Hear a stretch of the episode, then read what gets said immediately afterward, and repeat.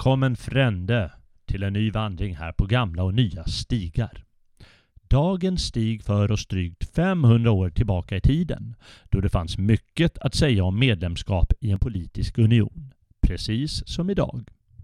När det här avsnittet går ut för sändning är det den 9 mars år 2021. För exakt 500 år sedan hade befrielsekriget mot Kristian IIs Danmark och en förnedrande ställning i Kalmarunionen nyligen kommit igång. Men före det hade riksföreståndaren Sten Sture den yngre kämpat mot danskarna med ungefär samma mål som den unge Gustav Eriksson Vasa. Med sin ungdomliga energi och en sällsam kraft slog Sten Sture tillbaka inträngande danskar och utländska legosoldater i slag efter slag. Tills han oturligt nog mötte sitt öde genom en kanonkula på Åsundens is utanför dagens Ulricehamn. Varefter han slutligen, några veckor senare, somnade in på en släde på Mälarens is. Givetvis var hans kamp en inspiration för Gustav Vasa och om inte lyckan växlat så mycket som den tenderar att göra kanske det hade varit Sten Sture som fört Sverige till full frihet och självständighet. Jag heter Jalle Horn och ser fram emot en spännande stigtur Innan vi kör igång vill jag dock påpeka att idén till dagens vandring kommer från en Svegot-lyssnare som önskade höra om just slaget vid Åsundens is. Stort, stort tack för det uppslaget, som här har utökats något till en hel liten vandring på gamla underbara svenska stigar.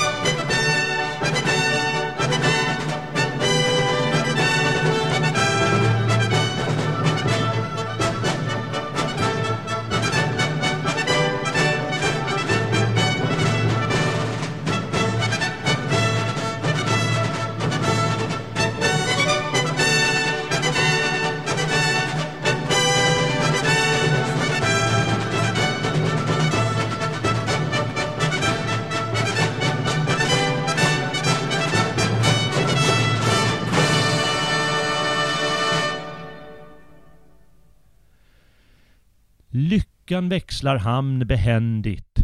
Först en sommar lustig och blid, sist en frostig vintertid. Ingen haver hennes gunst beständigt. Så fick den unge herr Sten och så se lyckan komma och gå. Så börjar avsnittet i den gamla svenska rimkrönikan om Sten Sture den yngre. Rimkrönikorna kom till samtidigt eller strax efter de händelser som de avhandlar. Delen om unge herr Sten är alltså ungefär 500 år gammal och den ska vi bekanta oss med mer idag. Den tidens språk är alldeles för svårt för oss idag att helt begripa, men var inte orolig, vi ska hålla oss till en moderniserad variant. Den tänjer lite på originalet, men den är brukbar, emellanåt skön och väl förståelig för oss. Bakgrunden för all svensk politisk historia på 1400-talet och början av 1500-talet står att finna i den knepiga Kalmarunionen.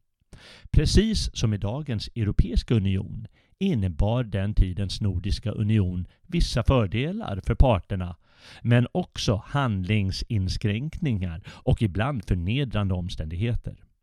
Även om ett syfte med Kalmarunionen väl var att begränsa krigen mellan de tre folken, danskar, norrmän och svenskar, var det, ingen, var det inget som unionen i längden lyckades upprätthålla. Slutet av unionstiden, årtiondena runt år 1500, innebar ständiga dispyter och krig mellan svenskar och danskar, de två ledande parterna i unionen. Kristian Hans son, som sedermera som dansk konung kom att kalla Kristian den andre och rent av av danskar Kristian den gode, var redan som prins mycket bestämd, hård och tidvis orättfärdig. Det är väl därför vi svenskar, tvärt emot danskarna, kallar honom Kristian Tyrann. Från 1507 var han ståthållare i Norge där han avsåg att styra ganska så enväldigt genom att störst visa som vem som bestämmer. Därifrån trängde han in i Västergötland och brände några slott och plundrade Jönköping. Allt för att visa var skåpet ska stå. Det är inte svårt att förstå många svenskars aversion mot unionen och danskarna. Men det finns också unionsföreträdare i Sverige på den tiden. På grund av nämnda oroligheter från danskt håll känner nu unionisterna i Sverige medvind och avsätter sålunda Svante Nilsson, unge herr Stens far, som riksföreståndare. Han vägrar förstås. Men på grund av denna outgrundliga dam vid namn Lyckan, eller ibland Olyckan, segnar han strax därefter plötsligt ihop och dör. Vi är nu i årsskiftet 1511-1512. Unionsföreträdarna i Sverige och givetvis den danska kungen, som anser att Sverige genom Kalmarunionen mer eller mindre tillhör den danska kronan, ser möjligheter för framtiden. Men innan vi kikar hur det är på vår hemmaplan går vi lite framåt i den danska historien. Kung Hans dör den 20 februari 1513 och snart väljs sonen Kristian till ny kung. Inte utan besvärligheter dock. Så gott han kan stärker han nu i alla fall sin makt i Danmark och Norge.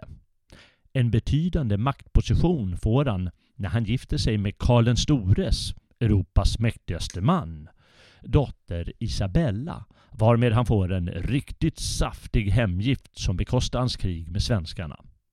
Ett av hans främsta mål är nämligen att underkuva svenskarna eller åtminstone få dem att erkänna hans fulla anspråk på den svenska tronen mot sturska riksföreståndare och andra jobbiga typer och därmed få större tillgång till svenska ekonomiska resurser.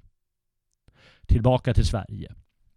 Det svenska riksrådet, som i maj 1512 var danskvänligt, har efter Svante Nilssons död utsett Erik Trolle till ny riksföreståndare. Erik Trolle är en småländsk adelsman vars släkt alltid har stått unionskungen bi. Av den enkla anledningen att släktens gods ligger i gränslandet mellan Danmark och Sverige, i södra Småland och norra Skåne. Riksrådet må låta mäktigt, men den egentliga makten ligger fortfarande i händerna på Svantes män, eftersom de besitter kontroll över slott och borgar. Så den 20-årige Sten Svantesson har sett till att ha dem på sin sida. Han har också allmogen på sin sida, en stor maktfaktor såväl politiskt, politiskt som militärt i slutet av medeltiden. Han ställer sig nu som motkandidat till Erik Trolle. Riksrådet ser nu ingen annan råd eh, än att den där vårdagen 1512 välja Sten Svantesson till ny riksföreståndare. Jag säger inte Sten Sture än, eftersom hans namn var Sten Svantesson av släkten Natt och Dag. Således inte en Sture. Hans far, Svante Nilsson, hade rent av stridit mot Sten Sture den äldre. Men sturarna och deras anhängare samt de flesta bönder och borgare i landet, historiker kallar dem Sturepartiet, var motståndare till unionen av diverse skäl. Under 1800-talets andra hälft kallas de lämpligt nog för fosterlandsvännerna.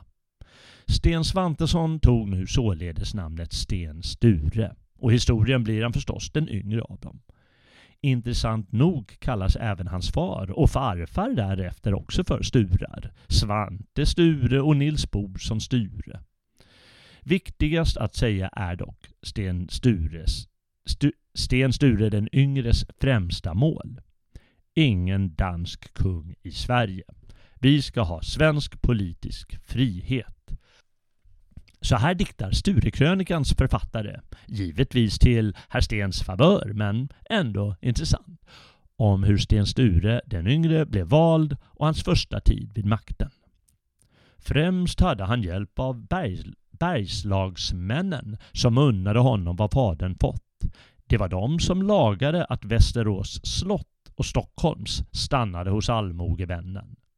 I början var dock osäkert vem som vann. Rådet ansåg herr Sten ej duga och löfte genom att locka och truga så herr Erik Trolle till hövitsman. Men bönderna vore de för sluga och ville ej veta av någon annan. Kort därefter på herredagen gick valet dock på sådant sätt, sedan Erik Trolle tillbakaträtt, att unge herr Sten blev enhälligt tagen. Herrarna räddes för böndernas hot och dristade icke att göra dem emot. Sedan unge herr Sten fått land och slott var allt i förstone lugnt och gott. Han vidmakthöll, vidmakthöll lag och goda seder och rönte av allmogen lydnad och heder.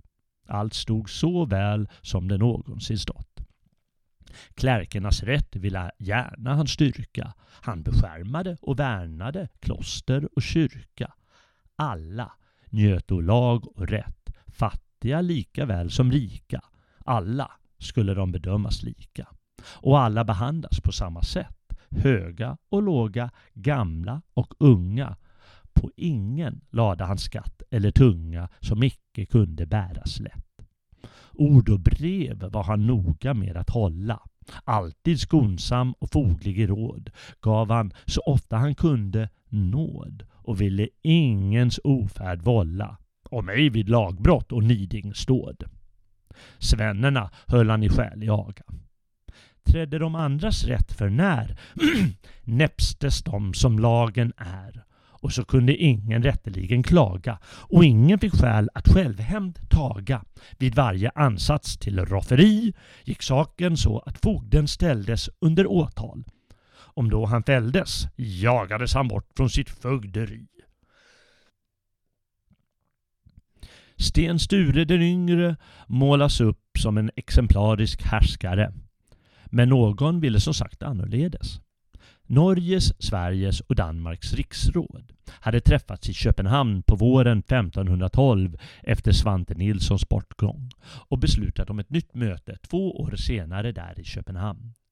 Till det riksföreståndarmötet 1514 kommer inte svenskarna och norrmännen det var ett vanligt sätt att förhala besvärliga frågor. Ett lysande sätt att lösa politiska problem. Sossarna är som bekant mästare i den konsten eftersom förhållandena kan ju se helt annorlunda ut ett par år senare. Dessutom var tilltron liten efter danskarnas sätt att fara fram. Där fanns hur som helst sedan tidigare ett krav, åtminstone eh, sedan 10-15 år tillbaka i tiden, att svenskarna måste välja mellan ett att godta en dansk kung även på den svenska tronen eller två, betala en rejäl årlig tribut. Det kan man förstå, att svenskarna hela tiden förhalade det osköna kravet. Men danskarna började snart tröttna. Med den bestämda Kristian på tronen får det räcka med förhalningspolitik, tycker han. Och danskarna börjar således rusta för krig år 1516.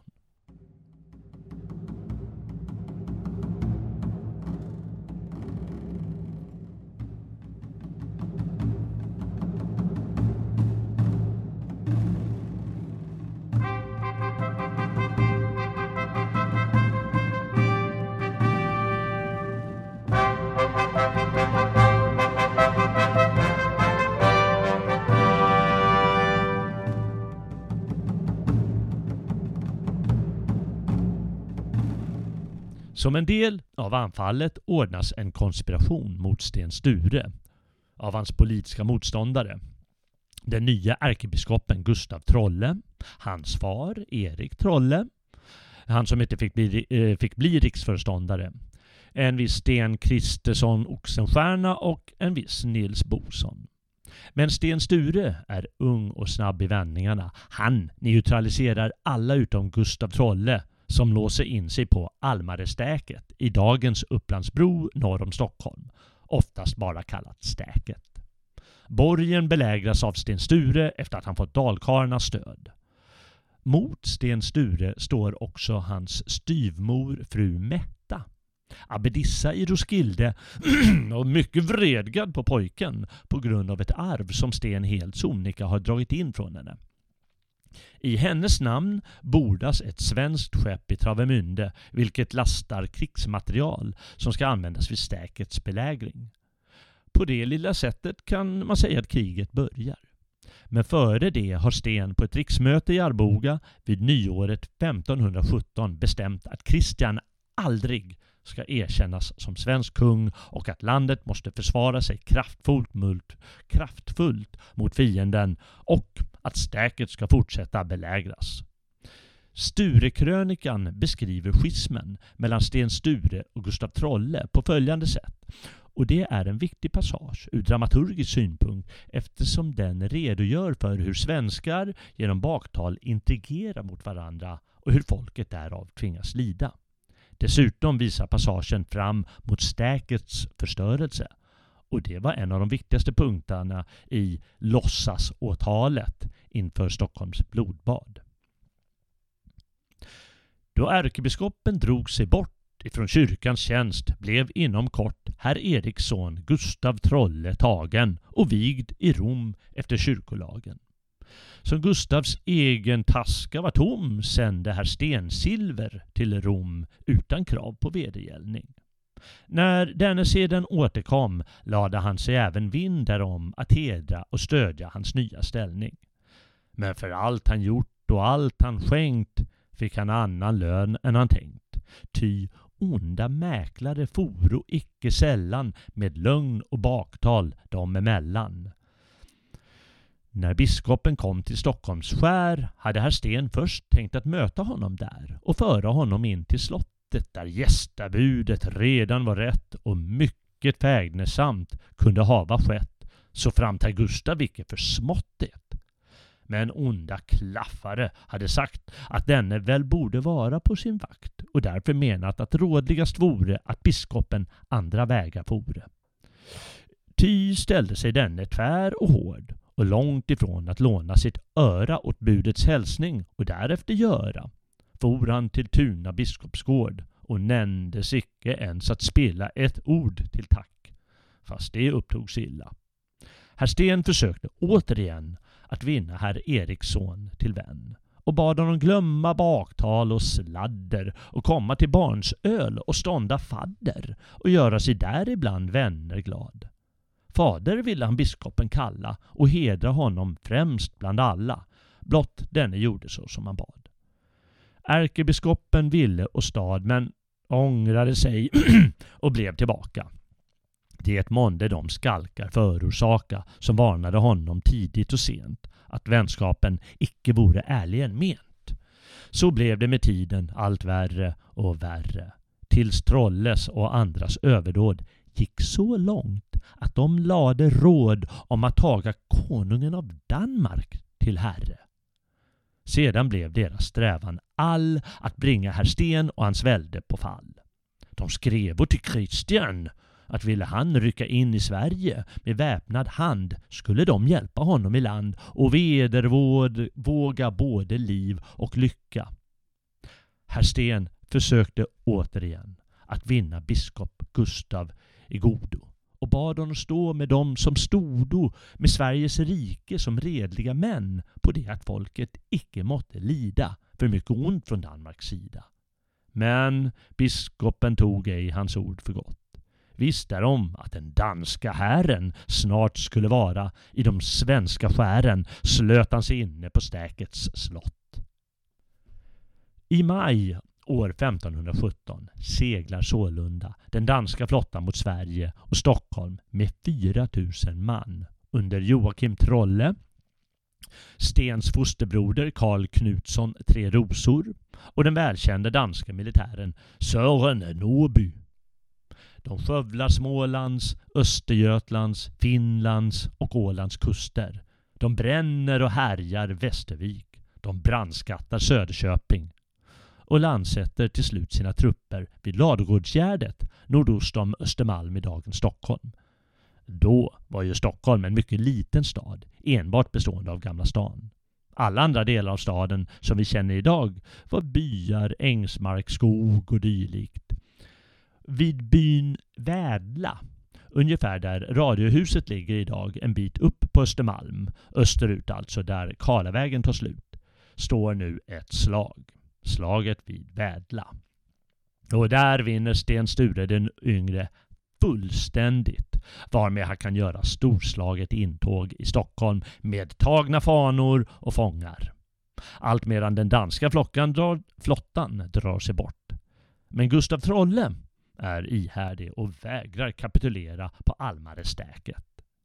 I november hålls därför riksmöte i Stockholm där beslut tas att Gustav Trolle ska avsättas som ärkebiskop och att Almarestäket ska rivas, varefter Gustav Trolle ska sättas i fängelse i Västerås.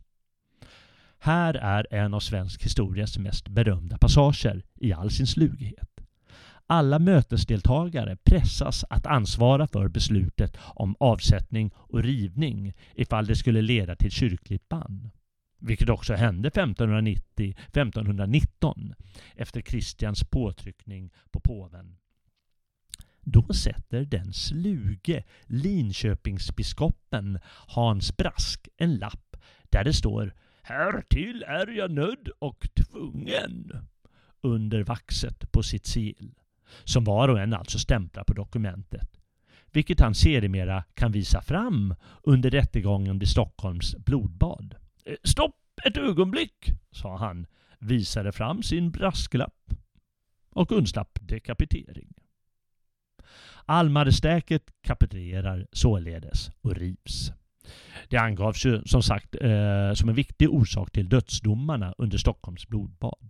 Och hela den här processen eh, får således alltså, stora historiska konsekvenser och visar fru Fortunas outgrundliga vägar.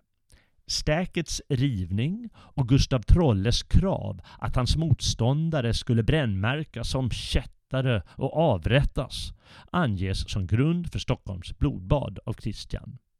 Och det ledde i sin tur Gustav Vasa till makten efter befrielsekriget. Men det orsakade också införande av protestantismen i Sverige. Påven tog Trolles parti mot Gustav Vasa som givetvis vägrar att erkänna Trolle som ärkebiskop och istället avvisade honom som en landsförrädare. Påtryckningarna från Rom var en bidragande orsak till att Gustav Vasa bröt med Vatikanen, påbörjade reformationen och införde protestantismen i Sverige. Vare som det vill med historiens vägar. Så här målande berättar Sturekrönikan om händelserna. Konungen samlade skepp och holk och skrev och manade Sveriges folk att varje ängslan och oro kväva. Alla som månde i Sverige bo skulle lämnas i fred och ro, blott de aktade sig att hans anspråk jäva. Betalte den brandskatt han komme att kräva och lovade honom hullighet och tro. Kungen är alltså eh, Kristian den andre. Men den som såg sin egen villa finge eh, skylla sig själv om det ginge honom illa. Konungens krigsmakt var samlad och for under Joakim Trolle, herr Eriks bror. Först fick Stäkeholms slott ett slag som kändes. Nära muren låg en stor hög av ved. När denna tändes och även porten tog eld till slut var det för sent att taga sig ut och många på slottet innebrändes. Åt Johan Arensson var slottet befallt. Han måste väl sörja mest av allt att hans hustru och fyra barn brändes inne. Hon levde dock kvar i ärat minne. Denna grymma framfärd lik blev danskarnas gästning i Västervik. Och vart de sedan foro och vände sig återupprepade samma elände sig. Söderköping angreps till lands och där rövades nästan allt som fanns. Men då Östgöta-allmogens antåg spordes blev det klent med det byte som sedan gjordes. Till Stockholm ställde de sedan färden och stego vid Vådla by i land för att sätta ladugården i brand och skynda till stäket, upprorshärden. Karl Knutsson, Härens hövitsman, ryckte mot ladugården an. Då han såg herr Sten till anfall hasta bad han danskarna stånda fasta. Men de gjorde tvärt emot vad han bad. Inga vore så gamla och tunga att de nu icke lupo så lätt som unga och envar som kom undan kände sig glad och skulle gärna den leken försaka blott han kom till sin jakt tillbaka. Det gick så flinkt när det blev dem för hett att buskar och gärdesgård togos i ett. Karl Knutsson tävlade själv i sprången just som han flög över gärdesgården ut. Fick han ett slag av Sten Stures spjut. Men närmare kom ej herr Sten den gången. Ännu värre skulle det gått ifall den gärdsgården icke stått. Varenda en skulle då blivit fången. När budet om nederlaget kom till eh, ärkebiskopens kännedom ville han komma till fred och sämja. Han som alltid avböjt att främja riksföreståndarens vädjan och bön. Nu fick han också sin förtjänta lön. Rikets samlade män beslöto att han och Erik Trolle, hans far, skulle sättas i fängsligt förvar till straff för allt de båda förbröto och murarna rivas kring stäkets slott som brukats riket till skada blott. Det ärendet blev nu så bedrivet att biskopen fick i häkte gå och alla hans tjänare lika så.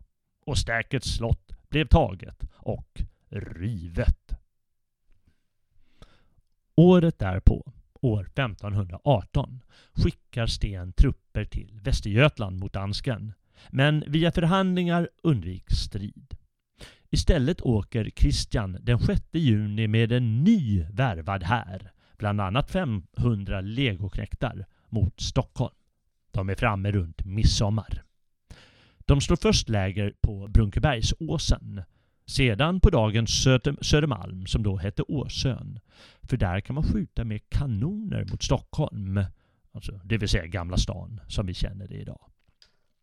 Danskarna lyckas skjuta upp präscher i muren men kan ej storma staden trots två stormningsförsök. Sten Sture tar sig då till en svensk här som har marscherat norrut mot Stockholm och just nu befinner sig stöd, söder om staden. Det leder fram, mot, fram till slaget vid Brännkyrka den 30-31 juli där ingen mindre än Gustav Eriksson Vasa för huvudbaneret.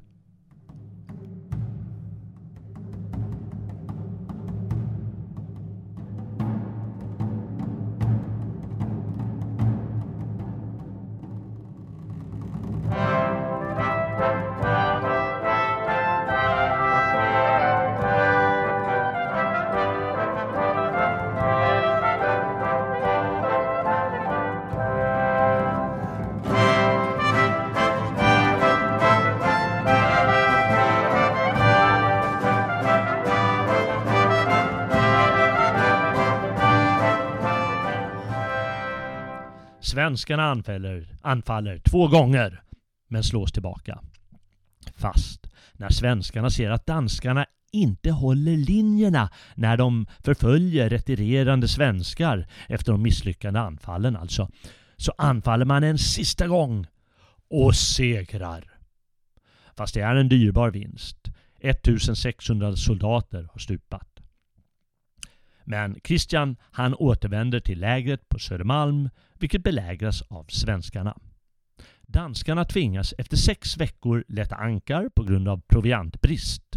Eh, så här heter det i en redogörelse.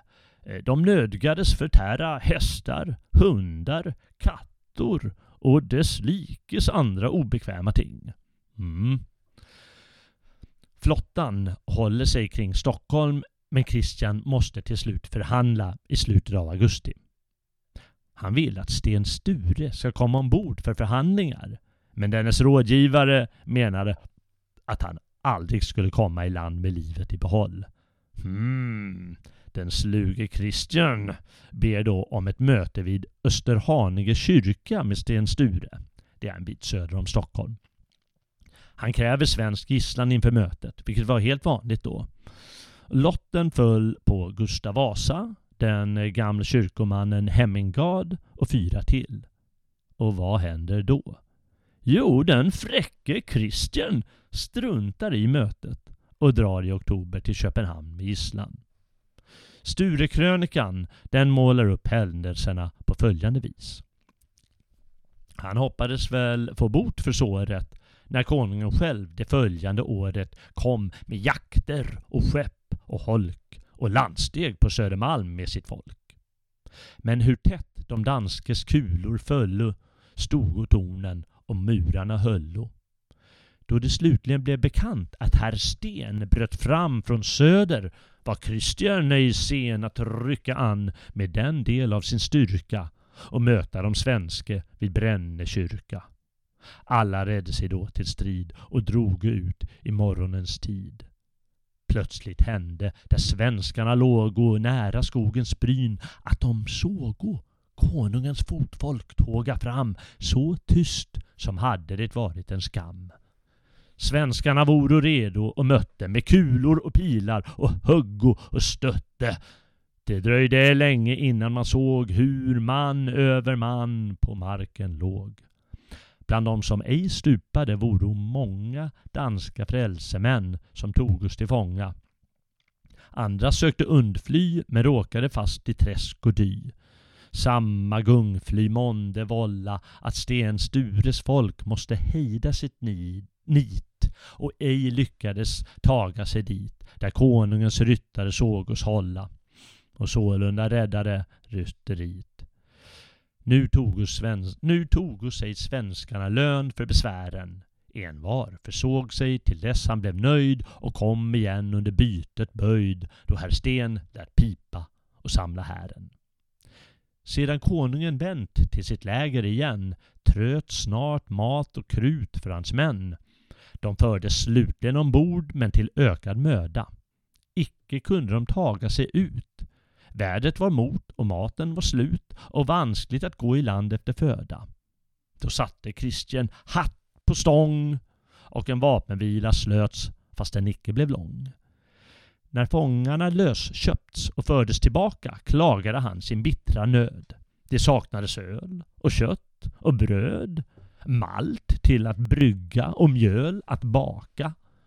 Då riksföreståndaren fått ett begrepp om nöden ute på konungens skepp lät han av ömkan med fiendens vånda skicka oxar och annat ombord i full förtröstan på Kristians ord att freden skulle en tid bestånda.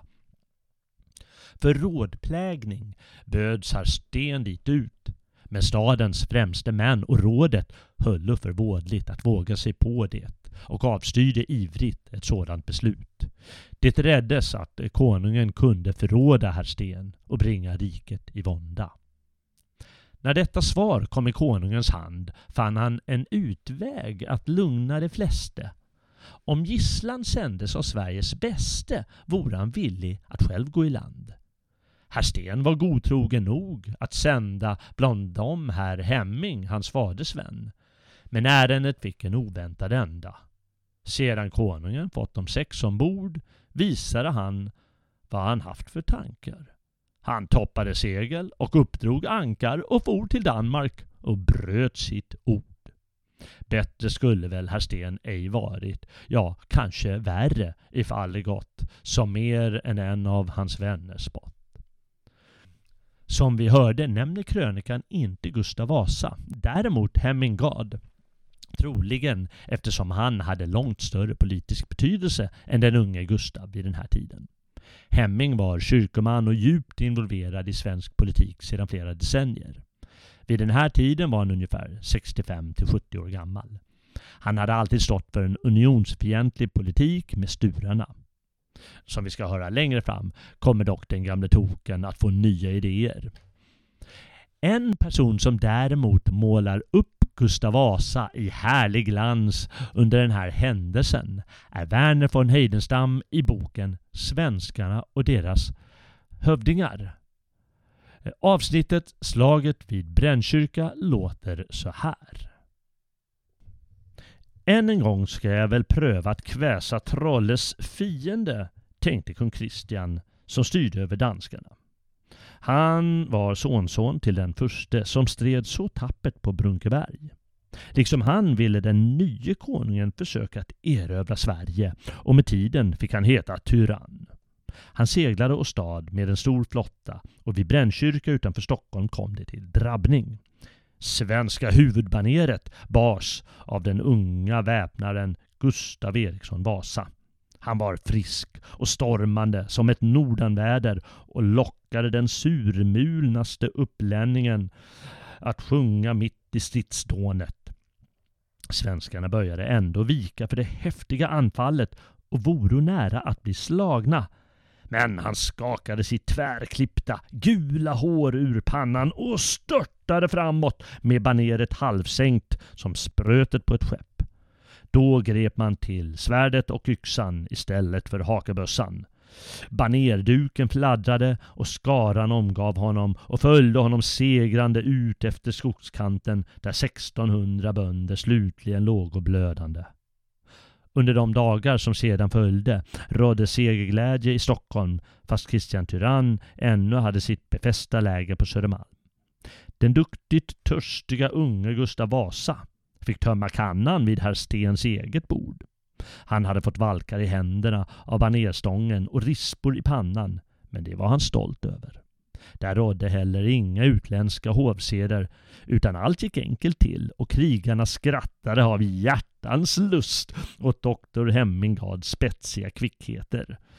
Jag ser Gad att du slipar gadden, sade en afton herr Sten vänligt. Är det mig som du nu tänker stinga? Den 70-åriga åldringen Påven Borgias forna kammarherre log en smula och hans vithåriga huvud skakade. Herr Sten, du har inte betrott mig med hederssysslor som din far brukade. I hans dagar var jag danskarnas värsta fiende, men du har givit mig god tid att gå och tänka. Därunder har jag småningom lärt mig att allting nu en gång är som det är. Därför förvånar mig heller inte det som jag nu skall berätta dig. Jag har hört att kung Kristian snart ämnar be dig välkommen till sina skepp för att få kyssa dig på kinderna och tala om broderlig fred. Han är som du ser en välmenande man, kung Kristian. Fru Kristina Gyllenstierna, riksföreståndarens ståtliga husfru, som just höll på att skänka i åt sin herre, satte kannan hårt i bordet. Det är svek, for hon ut, och rådsherrarna instämde. Men doktorn fortfor. I nödfall lär Kristian själv vilja rida till Österhaninge kyrka för att möta dig där, om du skickar mig och fem andra till honom som gisslan.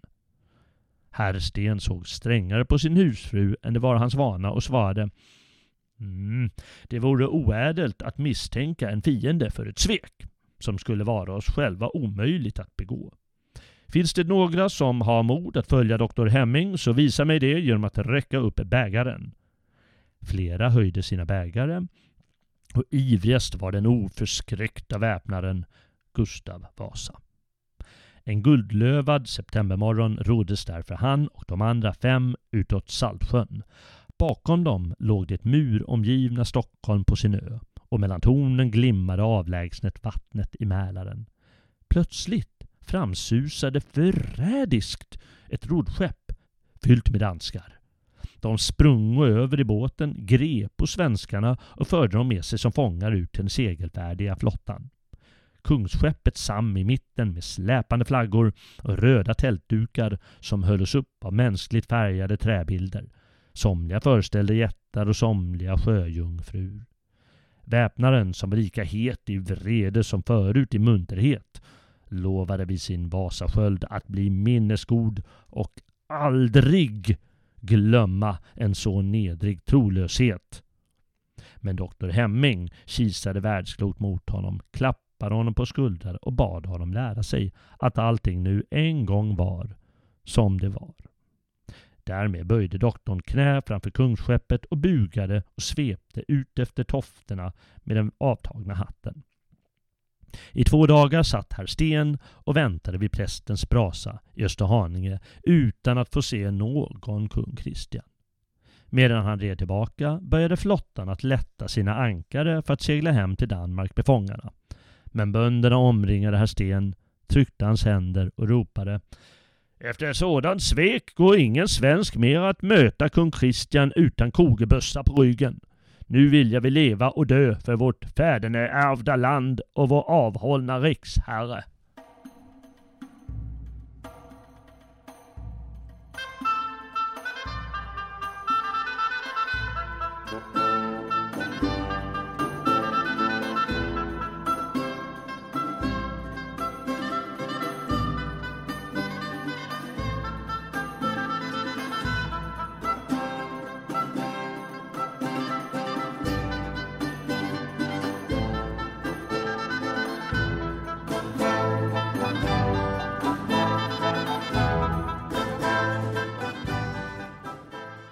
År 1519 ställer Kristian upp en ny armé, mest värvade fransmän den här gången.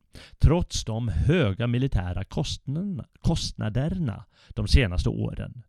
Nu har han nämligen, nämligen fått ut en del av hemgiften från Isabellas far. Hans trupper härjar först lite i Västergötland i januari. Senare i juni anfaller Sören Norby Öland och tar Borgholms slott. Ett anfall på Kalmar misslyckas efter försvar av Johan Månsson natt och dag. Sten Sture skyndar sedan dit med en armé i september och skingrar fienden. Men det var bara en försmak vad som komma skulle. I januari 1520 står den danska hären redo med den värvade befälhavaren Otto Krumpen och legosoldater från Tyskland, från Skottland och från Frankrike. Kung Kristian har tydligen en rejäl krigskassa. Han är förstås nöjd med sin maka nu. Hären marscherar ifrån Helsingborg, genom Småland och in i Västergötland. Sten Sture marscherar samtidigt mot Västergötland och uppställer ett försvar på 10 000 man vid staden Bogesund, dagens Ulricehamn, och sjön Åsunden, där man bygger isvallar som skydd. Den 19 januari når danskarna platsen och anfaller direkt. Och nu blundar fru Fortuna tillfälligt. Eller om hon väljer att vända herr Sten ryggen rent av. Sten Sture träffas tidigt i slaget av en kanonkula som dödar hans häst och krossar hans ena ben. Förvirring uppstår genast varigenom hären upplöses. Danskarna kan avancera norrut. Sturekrönikan hastar på slutet, kanske av sorg för herr Stens sorgliga öde. Denna kraftfulla yngling som gång på gång räddat riket från Kristians övermodiga och hänsynslösa krav.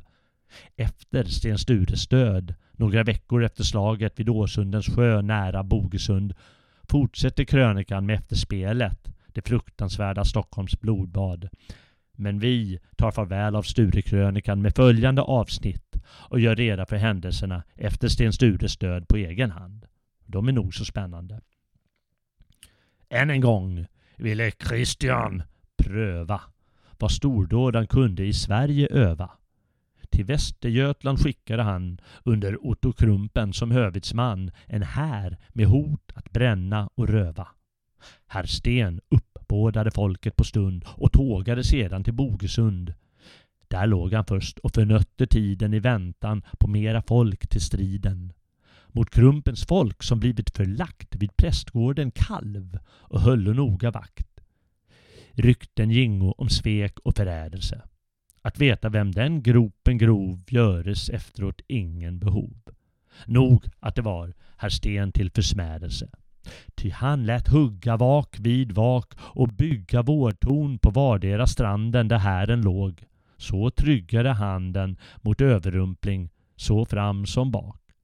Själv red han en black som for fram och tillbaka och vrenskades vilt och lät fienden smaka tänder och hovar om någon kom, om någon kom närare fram än han tyckte om. När fienden frambröt och varse blev blacken och öppnade eld fick Karsten ett lod genom sitt ena ben och hösten, hästen stöp som en sten i backen. Herr Sten med, blev dragen fram med nöd, lagd på en släde till hälften död och förd i säkerhet undan på racken.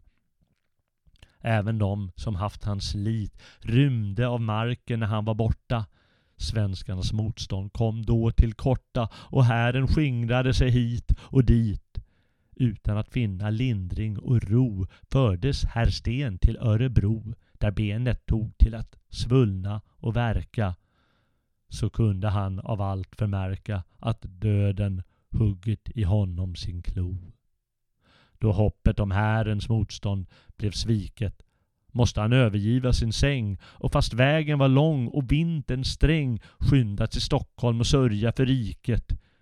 Gud, som allting bäst förstår, vet väl och, vet väl och vi hans lott blev så svår. Han förde städan med ökad kvida och måste svårt på resan lida tills döden kom och slöt hans färd och halp hans själ till en bättre värld.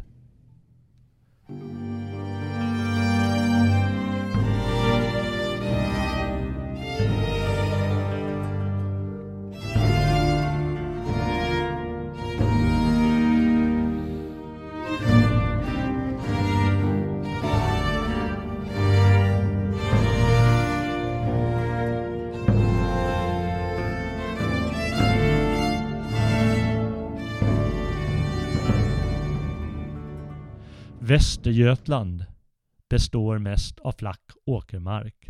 Men längst norrut, där mellan Vänern och Vättern, börjar Tivedens djupa skog. I desperation hugger svenskarna bråtar av träd där i Tiveden för att hejda dansken. Men vi vet hur det gick för spantanerna i Thermopiles pass och samma sak hände svenskarna. Den danska hären får upplysningar hur de kommer runt av en viss förrädare Erik Abrahamsson Lejonhuvud varvid vägen mot Stockholm ligger öppen.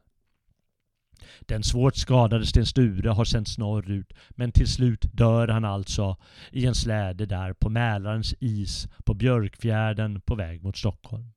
Den kraft som ständigt emanerade ur honom försvinner därmed och svenskarna börjar känna sig hopplösa. Rykten om drygt 1000 fler danska ryttare på marsch norrut genom Småland gör inte saken bättre. Det svenska rådet tvingas nu förhandla med Krumpen den 6 mars i Uppsala där hans här slagit läger. Rådet svär Kristian trohet. Men folket ger sig inte. Svensken finner sig inte i. Bönderna, den svenska folkstammens mylla, börjar agera på egen hand.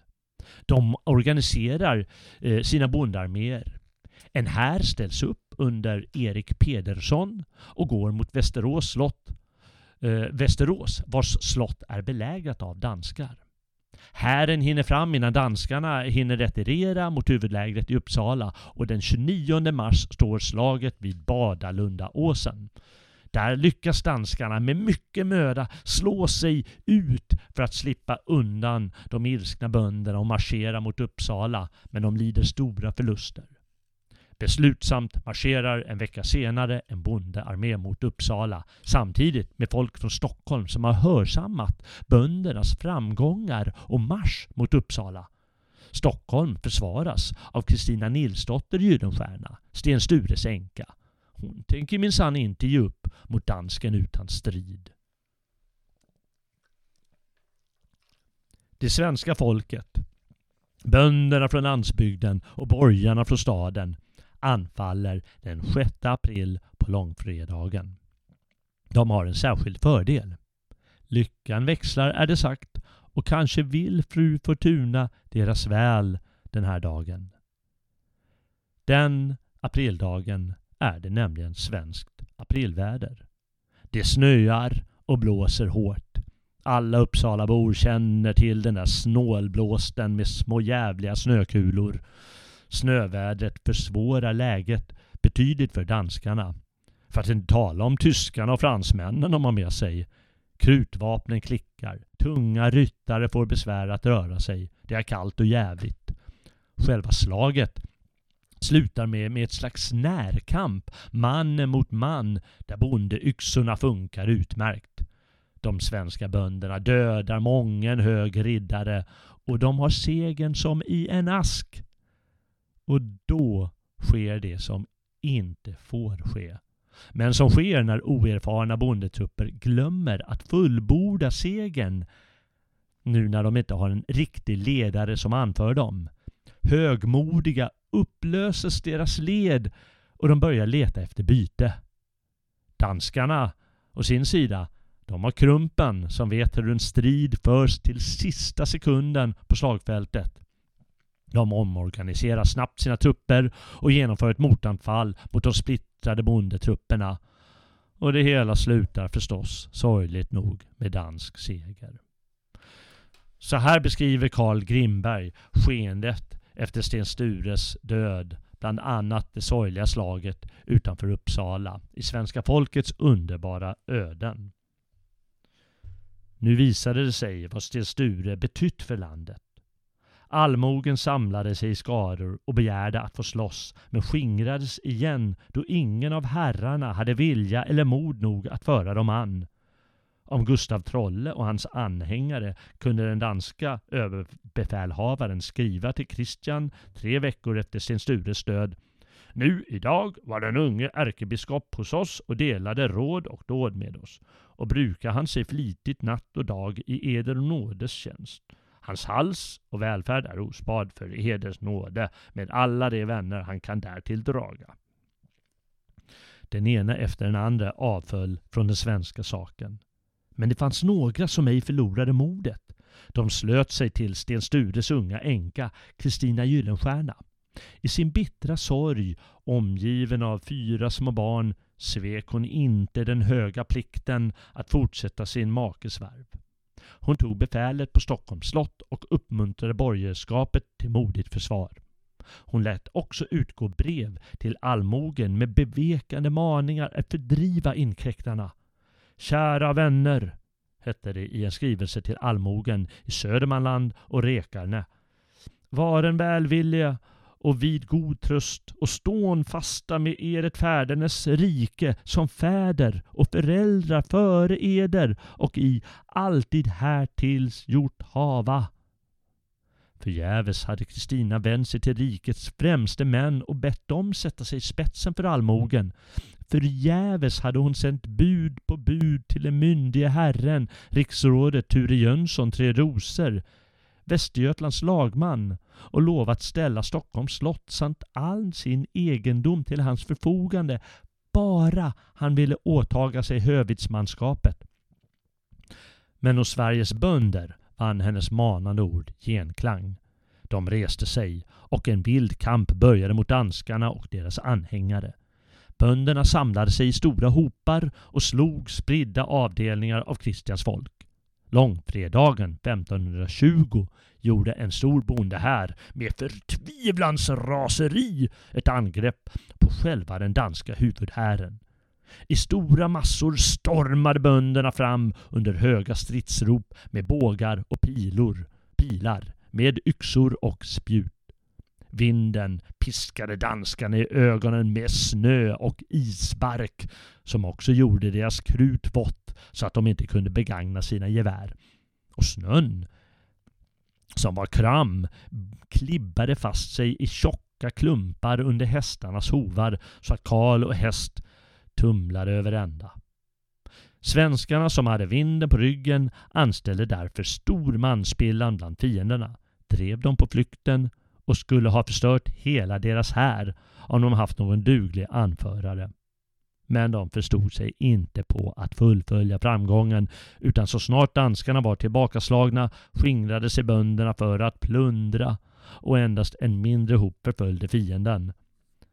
Därav begagnade sig danskarna och samlade sig igen. Gustav Trolle var med och äggade dem till ny kamp och nu vände sig bladet. När de svenska bönderna fick se de fienden som de trodde var slagna ryckte mot dem, rycka mot dem i ordnade avdelningar förlorade de alldeles besinningen och blev i tusentals nedhuggna eller jagade Fyrisån där de ömkligen drunknade. Så stänkte Gustav Trolle de svenske med vigvatten vid Uppsala på långfredagen. Stridigheterna fortsätter i alla fall på sina håll, men det sker inga större slag. Christian kommer till Stockholm i mitten av maj. Först har han försökt få Anna Eriksdotter Bjelke att överlämna Kalmar slott, men förgäves. Nu försöker han samma sak med Kristina i Stockholm. Lika mycket förgäves. Christian är faktiskt desperat, hur väl det än har slutat för honom på slagfältet. Om han inte lyckas inta Stockholm före vintern så har hela fälttåget varit förgäves. Då måste han börja om från början och det har han knappast råd med. Danskarna belägrar Stockholm, men det går trögt. Man kommer ingen vart. Samtidigt stöter man på motstånd inne i landet på många håll. Frontfigurer är Nils Eskilsson Baner, Måns Jönsson, Mats Larsson, Sven Höök och Peder Smed, vilka det nu är. Svårigheterna leder till missnöje i Danmark på grund av krigskostnaderna. I september byter Christian därför taktik till det han är bäst på, verkar det som. Ränker. Han börjar förhandla med Kristina med hjälp av svenska adelsmän som ställt sig på hans sida. Främst Hemmingard. Kommer ni ihåg honom? Mm. Hemmingard som i så många år har kämpat stenhårt mot danskarna och unionen men som nu helhjärtat har valt att kyssa Christians fötter. Vilken underlig människa.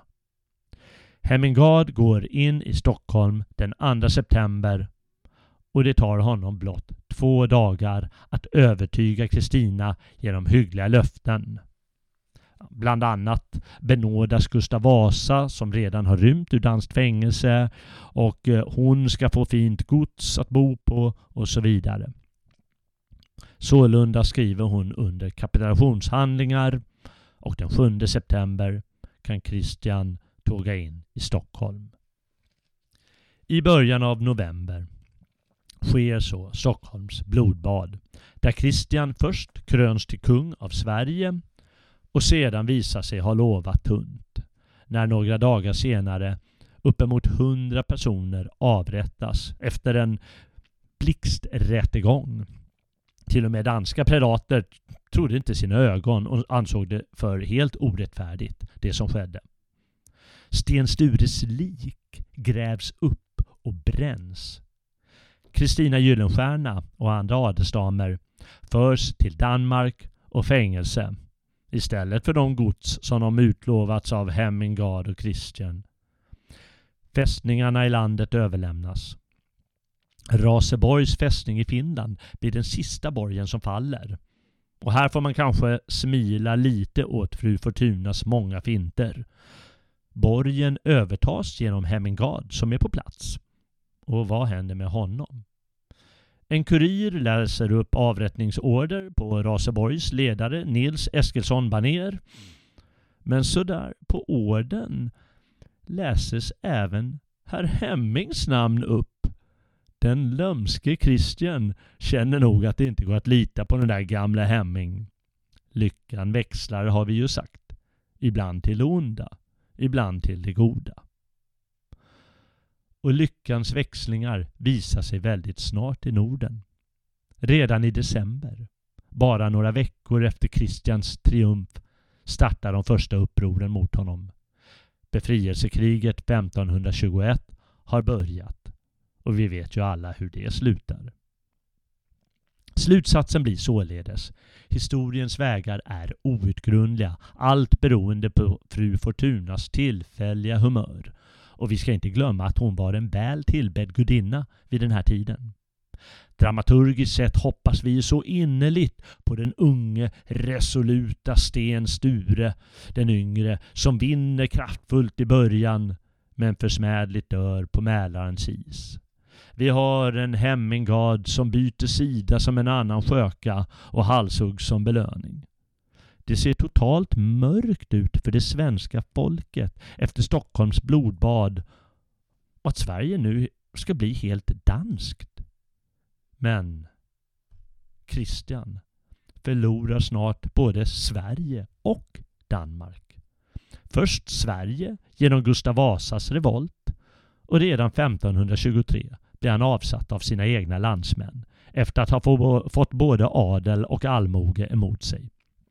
Gustav Vasa däremot, som nesligt har tagits som gisslan sådär lurigt och fräckt och fängslats i Danmark strax efter sin storartade krigsdebut i slaget vid Brännkyrka år 1518 blir den som genomför upproret mot Kristianväldet och unionen och mer eller mindre på nytt föder Sverige ur närmast ett intet. Vem kunde tro allt detta?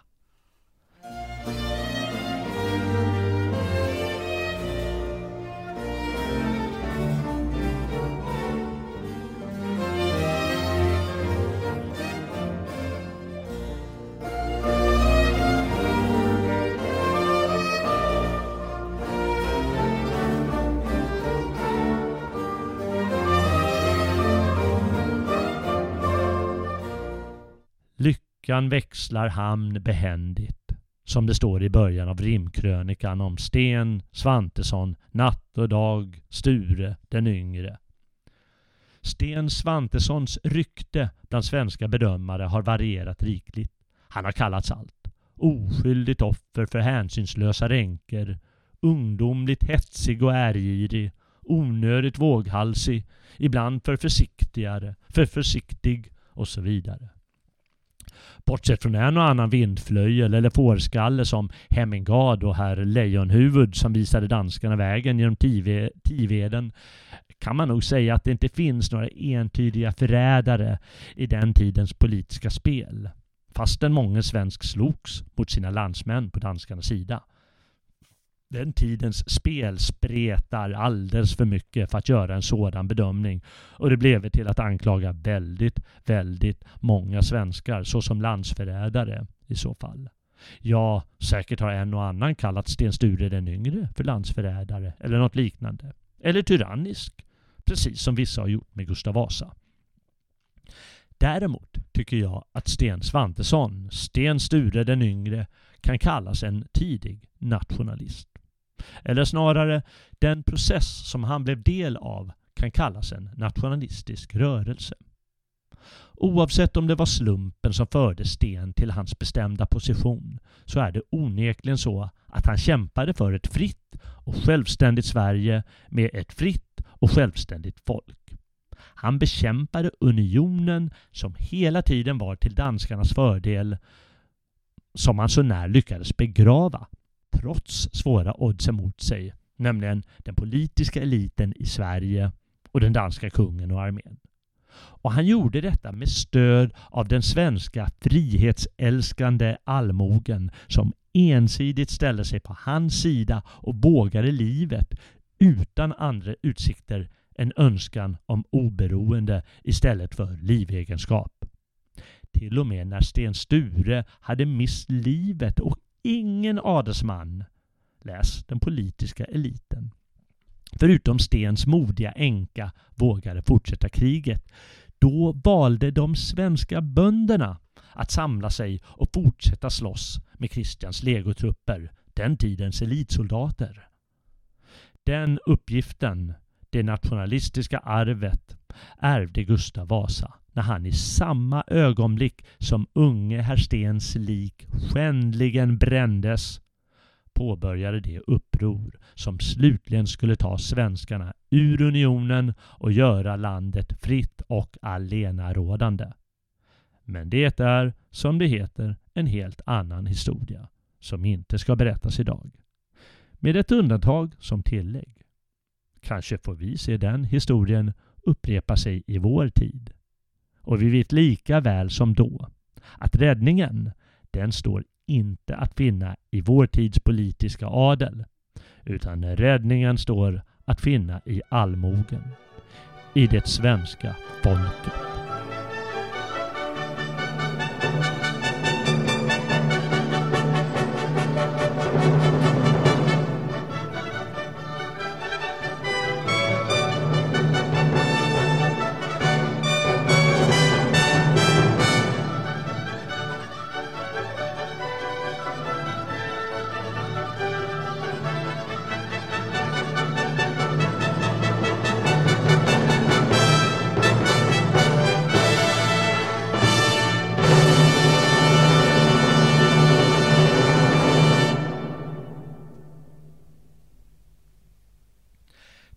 Att du har lyssnat. Om du gillar vad du har hört eller Svegots andra program får du gärna bidra till vår fortsatta produktion genom att teckna en prenumeration på Radio Svegot. Det kan du läsa mer om på Svegots hemsida. Gå in på svegot.se och klicka stödprenumeration. Där hittar du all information du behöver för det ärendet. Nästa avsnitt vet blott fru Fortuna vad det ska handla om. Men den som intresserar sig för den faustiska anden bör återvända till stigarna om ett par veckor. Om allt går som det ska. Då kommer jag och Robin Holmgren att samtala om Goethes bok Faust. Men redan nästa vecka vågar jag ändå utlova en spännande vandring här på gamla och nya stigar. Jag heter Jalle Horn och tackar för uppmärksamheten. Väl mött nästa gång, Frände.